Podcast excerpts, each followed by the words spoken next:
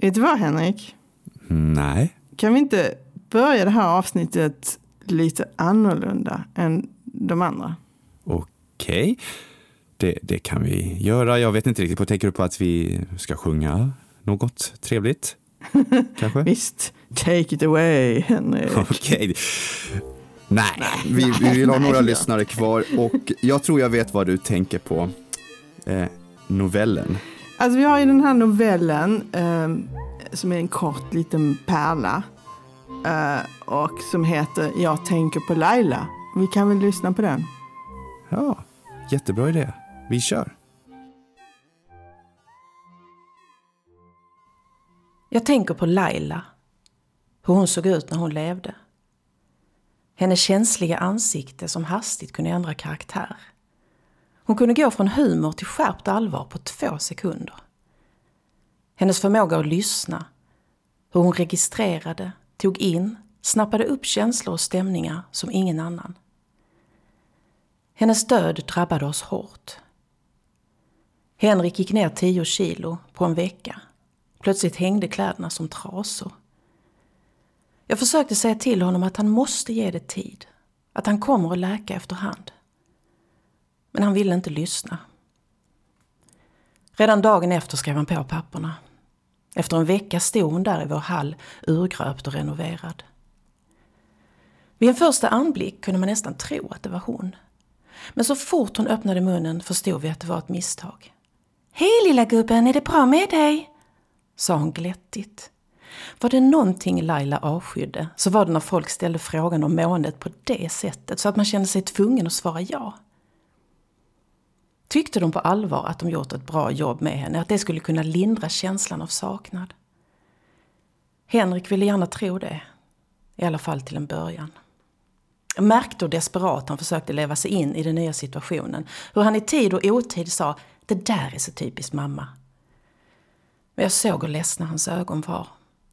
Och märkte hur han låg vaken på nätterna, han som alltid sovit så gott. Vi sa det inte rakt ut, men det var uppenbart.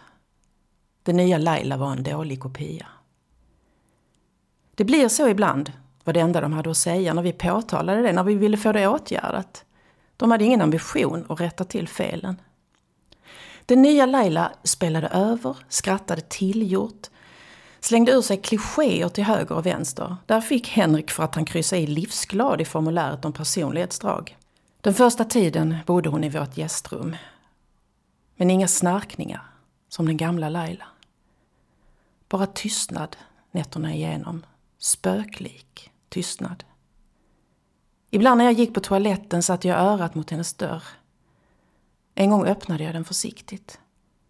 Hon satt upp i sängen, stirrade rakt på mig. Men det var som om hon inte såg mig. Först efter någon minut kom reaktionen. Tack för kaffet, det satt verkligen fint. Jag stängde dörren, långsamt. Henrik tog ut henne på promenader flera gånger i veckan. Han var alltid nedstämd när de kom tillbaka. Den nya Laila bara gick och gick, stannade aldrig upp. Till slut bestämde vi oss för att lämna in henne på ett boende. Att komma och hälsa på med nyinköpta kondiskakor blev om möjligt ännu mer surrealistiskt. Våra besök gjorde varken till eller från. Allting var bara för syns skull. Vi kom mer och mer sällan, till slut inte alls. Sen gick allting väldigt fort. Sjukdomsbeskedet, hjärtat, levern. Hur Henrik från den ena dagen till den andra tappade all energi. Hur alla organ verkade säcka ihop. Sjukhuset, lukterna, det blaskiga kaffet. Alla röster som försökte lugna. Var det cancer? Det kändes oklart, kanske. Mycket har de kunnat uppfinna i den här världen, men botemedlet mot cancer verkar omöjligt. Fast i ärlighetens namn tror jag att det var Laila som gjorde honom sjuk. Jag höll hans hand när han dog. Med en fadd smak av blaskigt kaffe på tungan. Det är det här som är storysyndromet. Det här var alltså Jag tänker på Laila av Stina Sturesson Svansjö. Och det var också Stina som själv läste in novellen. Visst är den här novellen en liten pärla. Och Laila alltså. Laila, Laila ger mig såna här uncanny valley-känslor. Uncanny valley, ja. Det, det här är ju ett begrepp som jag har hört och läst, men som jag inte riktigt kan sätta fingret på vad det är. Jo, när någonting som till synes framstår, som framstår som en människa, som till synes är en människa, har någonting som gör att det inte riktigt stämmer och att det, det, att det är skevt. Och den här lilla skevheten som man då kanske inte kan direkt sätta fingret på kan ge en olustkänsla. Ja, för att, för att det, är ändå en, det, det, det verkar ju ändå vara liksom en människa. De kanske är något helt annat. En som jag vet och som har skrivit om detta och som kan en hel del, det är ju Karin Tibeck. Ah, Karin som var med i eh, avsnitt två, i ett par skor-avsnittet. Japp. Så vi kan väl eh, plocka in henne. Hej, välkommen Karin!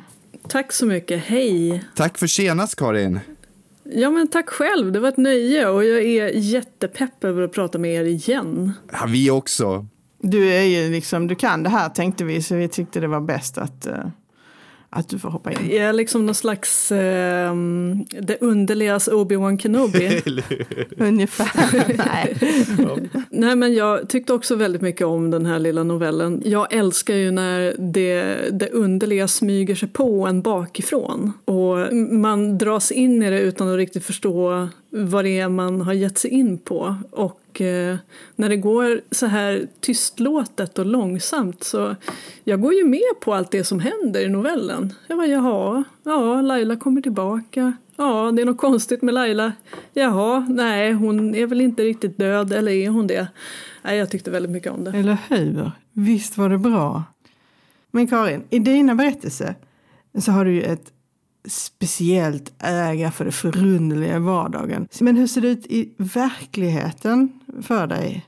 Ser du gärna något bortom det uppenbara i din egen vardag? Jag är ju, ehm, jag är ju liksom lite besatt av det här att verkligheten är större och märkligare än vad vi kan uppfatta. Och och eh, jag tycker det är mycket roligare att tänka sig att det döljer sig intelligenser och varelser bland oss. Eh, som eh, kanske gör lite research eller kanske har en agenda eller vad det nu kan vara. Och det har jag liksom haft sedan jag var liten. Att jag har alltid varit lite osäker på om alla runt omkring mig verkligen är människor. Jag kan, jag kan berätta en anekdot från när jag var liten. Vill ni höra den? Ja, berätta anekdoten. Ja, det var julafton och eh, farfar går ut och köper tidningen och sen plötsligt så kommer tomten och jag bara skriker och skriker och skriker. För det är farfar men han har en tomtemask på sig. Och det är liksom, jag ser att det är hans ögon bakom masken. Men, så det är farfar, men det är ändå inte farfar. Det är en fruktansvärd landning, för det skulle kunna vara farfar, men jag är inte helt säker. Och jag fortsatte skrika tills farfar tog av sig masken. Och det tror jag var mitt första möte med Uncanny Du, Valley. det var nästan posttraumatisk stress resten av livet. Ja, men hur startar livet? Vi kastas ut ur liksom en annan kropp och vi börjar med att skrika, det är då vi lever. Och du börjar ditt skrivande med den här traumatiska upplevelsen och sen fanns det ingen återvändo. Nej, men det kan mycket väl vara så att eh, farfar helt ovetandes liksom presenterade mig för en ny version av verkligheten.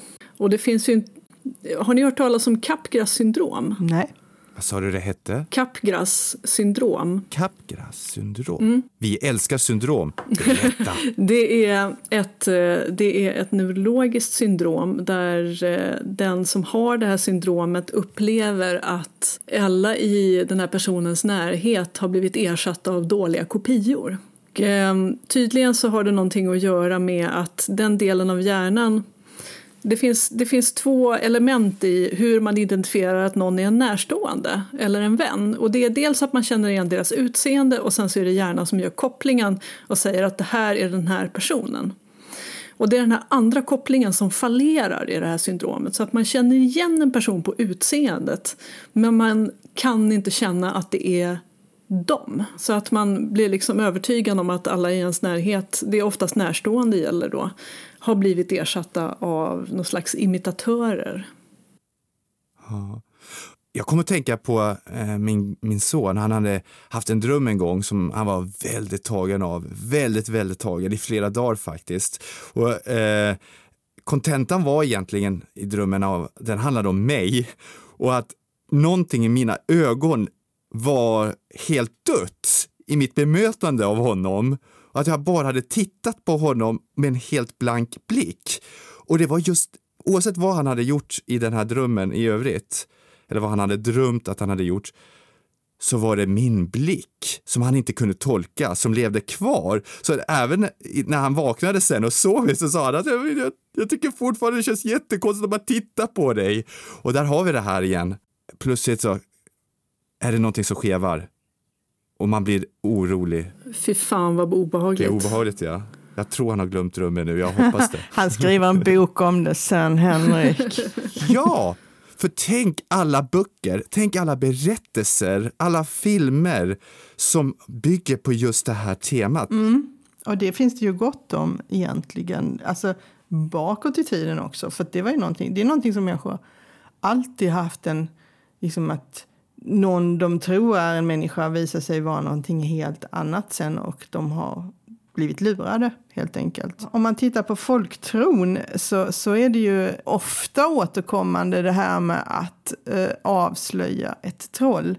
Eftersom troll kunde se ut som människor och om man då inte avslöjar trollet så kunde man ju åka illa ut. Och det där liksom, vad är det som skiljer en människa från ett troll? Och, alltså, det finns ju också så här berättelser när de, de säger att det här, det här är ett troll. Och hur vet jag det?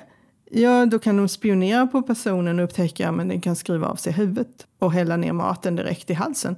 Men annars är den fullständigt människa. Men det gör liksom att, att det finns alltså så väsensskilt mänskligt som kan avslöja sig som en chock nästan.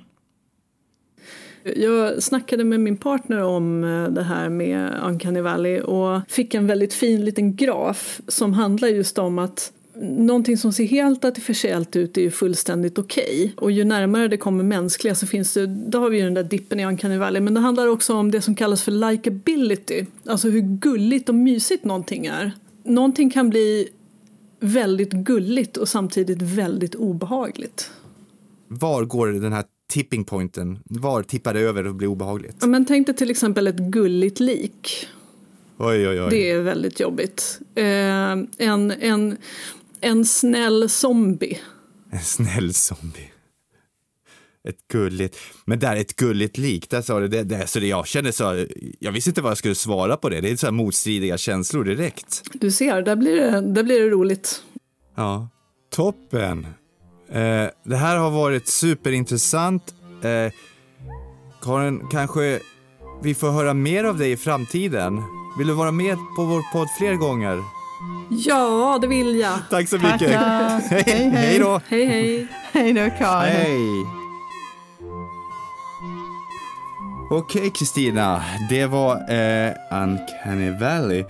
Och eh, på svenska så heter det ibland Skeva dalen. Skevt är bra för att då det är, man nästan ser framför sig hur någonting bara har fått en lite, lite vridning och då öppnar det upp för någonting otäckt och spännande. Och det får mig att tänka på eh, en tv-serie som jag precis börjat eh, se som eh, heter Katla, som är en isländsk tv-serie. Där människor kommer tillbaka efter att ha varit försvunna, eller rättare sagt döda. Och de kommer tillbaka ur askan kan man säga. De är täckta i aska och de uppför sig precis som att ingenting konstigt har hänt. Och de kan till och med komma tillbaka som en kopior av en redan levande person, fast så som den personen kanske såg ut och var för 20 år sedan. Och de tycker inte det är något konstigt att det finns dubbletter, att det finns en äldre, ett äldre jag. Och det här skapar ju oerhört förvirring hos eh, de andra karaktärerna och framförallt en känsla av obehag. Hur ska jag hantera den här personen? Är det min syster till exempel? Eller här, är det här någonting annat som har kommit upp? Alltså jag hade en gång, om man kan säga ett uncanny valley-ögonblick. Och det var när jag, jag kommer inte ihåg vad det var, men det var när jag i en folkmassa, där det var mycket folk, liksom kom från alla håll. Och så, så, eh, så liksom, jag kolliderade inte med, men du vet när man kommer så där tätt in på en annan person, så man liksom nästan kolliderar, så man tittar ju ända upp liksom och sådär och ser. Och då var det en man som inte hade pupillerna där de ska sitta. De satt alltså snett och de var inte helt runda. Och det är säkert, det är säkert någon medicinsk åkomma. Men just i den stunden att inte kunna möta blicken, när man ändå mötte blicken, eh, liksom fick, fick verkligheten att dallra till lite.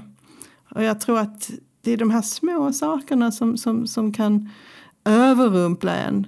Ja, just det. Så här gäller det att vi som författare plockar upp, lokaliserar de här skevningarna i verkligheten och ser vad hittar vi för berättelse här? För på något sätt så finns det en berättelse i varje skevhet. Ja, det, det är som man, ja, det är som det finns något, något helt stort bakom de här. Precis, det är som en portal in i en annan värld. ja, det är det som skapar dynamiken. Eh, eller kan skapa dynamiken om det är det man vill åt. Eh, och, och, och då tänker jag liksom också på, uh, om man tänker på en som alla känner till, Hannibal Lecter. Och han är ju ett monster. Uh, och han, alltså hans monsterjag uh, är ju, det är ju tydligt och man tycker han är hemsk och så vidare. Men vad som gör honom riktigt hemsk det är att det är hans mänskliga sida som han lägger på sin hemskhet. Att han, han är ju väldigt mycket människa där men han pratar om sina offer som han då äter upp. Uh, när han pratar om dem och, och, och, och nämner till exempel att de, någon kan smaka gott med ett glas Chianti. Då öppnar han ju upp liksom en hel värld som man inte är beredd på. Och det är väldigt obehagligt. För där skevar han. Ja. Men just att använda de här liksom motsättningarna, vad det åsamkar läsaren eller vad det åsamkar liksom de andra eh, karaktärerna i, i en berättelse. Jag tror att det kan man leka med. Man får också tänka på det när man skriver berättelser. Att eh, Uncanny Valley, det, det är en det, det, är intressant. Det är intressant att utforska och så vidare. Men man kan ju också utforska olika sidor som just sådana här känslor som Uncanny Valley kan frambringa. Det kan man ju liksom också överföra till andra scenarier. Till exempel eh, så kan, så kan en, en, en karaktär kan ju förändras och väcka känslor hos andra redan innan innan läsaren vet vad som är på gång. Man behöver inte dra så långt som att det måste vara monster och sånt utan man kan utnyttja tekniken. Men sen är det en sak jag också funderar på nu när vi har pratat om ett begrepp som uncanny valley.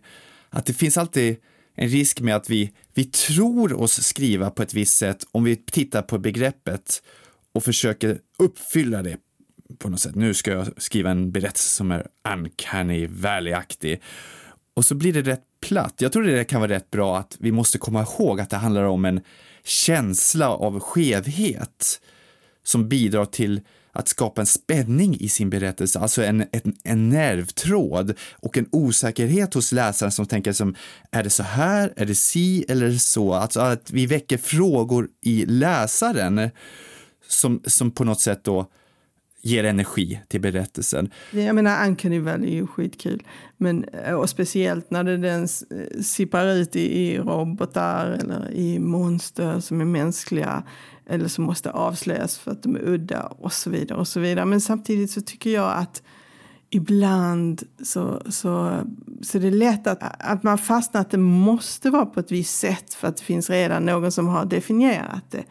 Och, och jag tror att det är bra att som författare måste man se sig som nyskapande, som att man upptäcker och man kan då eh, genom att använda sånt där som man kan i sånt upptäcka nya vägar för ens, eh, för ens berättelse.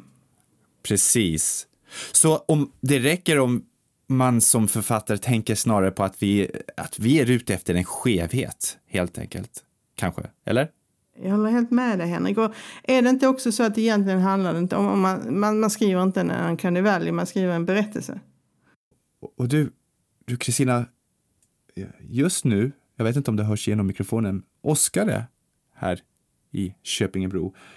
Och för mig är det alltid en, en öppning till lite skeva känslor när eh, det har varit fint strålande sol och så plötsligt så kommer de här mörka molnen och, och det blir åska och dunder och det är lite skeva dalen eh, för ett ögonblick. Åska är en bra grej. Åska är en bra grej.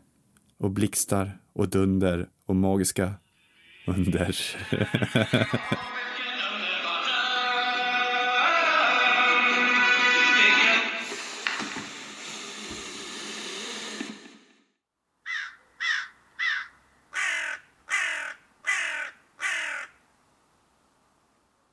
Du har lyssnat på Storysyndromet med författarna Kristina Hård och Henrik Pettersson. Podden som inte kan låta bli att leta berättelser och hitta idéer. Vi finns på storysyndromet.se.